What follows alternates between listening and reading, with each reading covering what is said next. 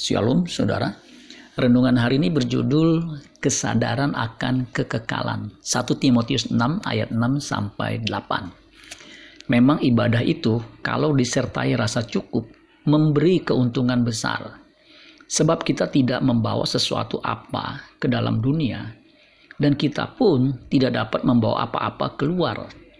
Asal ada makanan dan pakaian cukuplah di ayat 7, Paulus menjelaskan rahasia memiliki rasa cukup. Hanya orang yang menyadari adanya kekekalan saja yang akan mempunyai rasa cukup. Jika orang tidak menghayati adanya kekekalan, akan sulit, bahkan hampir tidak mungkin punya rasa cukup atas hidupnya. Ia tidak akan pernah cukup dengan apa yang dimilikinya. Waktu kita lahir, kita tidak membawa apa-apa, Bahkan ketika kita sudah tua dan memiliki harta berkelimpahan, waktu kita mati pun semua akan kita tinggalkan. Ayub 1 ayat ayat 20 sampai 21 dikatakan, "Maka berdirilah Ayub lalu mengoyak jubahnya dan mencukur kepalanya, kemudian sujudlah ia dan menyembah."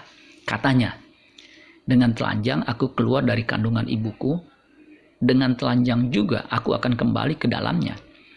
Tuhan yang memberi, Tuhan yang mengambil. Terpujilah nama Tuhan. Ketika kita hidup di bumi, kita harus selalu memiliki kesadaran akan Tuhan dan senantiasa takut akan Tuhan. Amsal 23 ayat 17, janganlah hatimu irit kepada orang-orang yang berdosa, tetapi takutlah akan Tuhan senantiasa. Hanya mereka yang takut akan Tuhanlah yang akan tinggal abadi bersamanya di kekekalan. Amin buat firman Tuhan. Tuhan Yesus memberkati. Sola Gracia.